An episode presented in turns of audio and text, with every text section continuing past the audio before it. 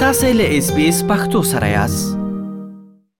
د پاکستاني طالبانو سره په قبایلی سیمو کې د امن پر غرض باندې د قبایلی سیمو د قامي مشرانو دینی علمانو او د سیاسي مشرانو درې 50 کسیزې جرګې په کابل کې دوه ورځې د پاکستاني طالبانو سره د امن پر غرض باندې د قبایلی سیمو د قامي مشرانو دیني عالمانو او د سیاسي مشرانو درې پنځوس کسیزه جرګې د افغان طالبانو پر منځګړیتوب باندې په کابل کې د دوی سره دوه ناستې وکړې د دواړو اړخونو نه دغه خبرې مخې ته راغلي دي چې خبرې پر مثبت لور روانې دي او جرګه په دې کې بریالي شوې ده چې په پاکستان کې د طالبانو د لوري 15 ورځې نور هم اوربند غځول شوې دي او دغه شان د جرګې د لوري د طالبانو غوښتنه شوې ده چې تر څو پر د خبرو بهیر پیل وي نو تر هغه پر د اوربند له دوام ورکړي د پاکستاني طالبانو د لوري جرګې ته یو شمېر غوښتنې مخې ته خودلې شوې دي چې پکې په ملکند سیمه کې اسلامي نظام ځې پر ځای کېدل د قبایلی سیمو د خیبر پښتونخوا سره د یوځای کېدو پریکړه بیرته اخیستل په سیمه کې د فوزي ځواکونو کمی او د شنت ټول امنیتي چارې ملیشا ځواکونو ته سپارل د جنگونو لامل د قبایلی ولسونو د شو ائتلافاتو په برخه کې د دوی مالی مرستې دغه شنه په سیمه کې طالب وګړو ته خوندیتوب او په آزاد توګه باندې د تګ راتګ اجازه هم شامله وه بل اړخ ته سرچینه وایي چې د پاکستان دولت د لوري هم طالبانو ته سغښتنې مخې ته خودلې شوې دي چې په کې لومړنۍ غوښتنه د هواد اساسي قانون منل په ګرد هواد کې اوربند طالبانو ته د نور وسلوالو ډلو سره اړیکې پرې کېدل وسله خودل یا د قانوني اجازه تر مخه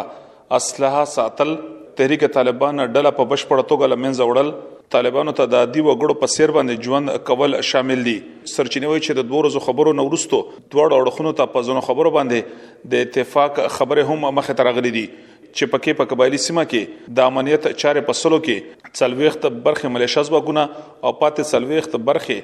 فوځ ته سپارل دي دغه شنت امنیتي پوسټې ملیشا ځواکونو ته سپارل هم د دې یو برخه ده د 15 ورځو نو ورستو یو واره بیا به په کابل کې د پاکستاني طالبانو سره هم دغه یاد جرګه خپل خبرو له دوام ورکوي دا شان چې کچرته کې امن لوزنامه لاس لیکيږي نو پر هغه باندې دواړو اړخونو ته د عمل کولو لپاره درې میاشتې موده هم په ګوته کړې شوې ده دا لومړی ځل دی چې په دې ورستو کې د طالبانو سره د پاکستان دولت د امن لپاره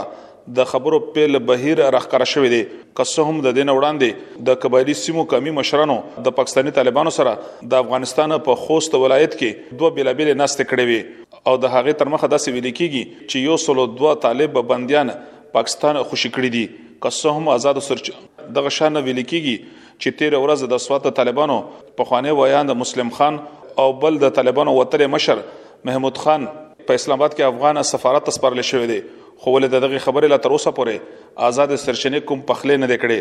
بلخوا د قطبي وزیرستان د پارلمان غړي محسن داوړ په خپله ټولنیزه پاڼه باندې لیکلي دي چې د طالبانو سره د خبرو دغه پیل بهیر په قبایلي سیمو کې یو وارې خلک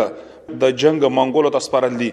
دوی وویل چې دغه ټولې خبرې د پاکستان د اساسي قانون نه سرغړونه ده او د دې سره به د خلکو اساسي حقونه تر خپل لاندې کېږي. په قبایلی سیمو کې د ځینو مشرانو سره چې اس بي اس رادیو تماس ونیولو نو هغه د خپل غږ نه خبرولو په شرط باندې وویل چې دغه یاد جرګه د قبایلی سیمو نمائندګي نشي کولای او چې په دغه جرګه کې کوم مشرانو د قبایلی سیمو د ولسونو په استازیتوب ګډون کړي دي نو د دوی ستونزې په سمه توګه باندې دوی نشي وړاندې کولای ځنه مشران بیا وویل چې د داسې خلکو سره خبرې کیږي چې لامل یې قبایلی ولس په تیر وختونو کې لوی ائتلافات پورته کړی دي د دین وړاندې هم پاکستان د طالب وسلوالو سره د پنځونو سوا امن لوزنامه لاسلیک کړې دي خو یوې لوزنامه هم بیا کومه فائدہ یا ګټه نه دراوړې چې اساسي علت یې د دواړو خوا دغه تورونه لګول شوې دي چې دوی یې سرغړونه کړې ده د جرګې یو غړي د نوم نه خودلو په شرط باندې وویل چې په غونډه کې د افغان طالبانو په منځګړیتوب باندې د پاکستانی طالبانو جګپړي چارواکي ګډون کوي او دغه شانته د هغې لخوا چې کومې غوښتنې خودل شوې دي نو په هغه باندې فکر کول شي دوی چې د جرګې تر ټولو لوی کامیابی 15 ورځې اور باندې خو ول د جرګې د لوري د طالبانو دغه غوښتنه هم شوې ده چې تر څو پر جرګه دوام ولري نو تر هغه پر د اوربل نه دوام ورکړي دوی ول چې د 15 ورځو دغه موده خودلو مقصد دغه دی چې د طالبانو او د پاکستان دولت چې کوم غوښتنې دي د هغې د منځ لارې دروستلو لپاره سلام مشورې وکړي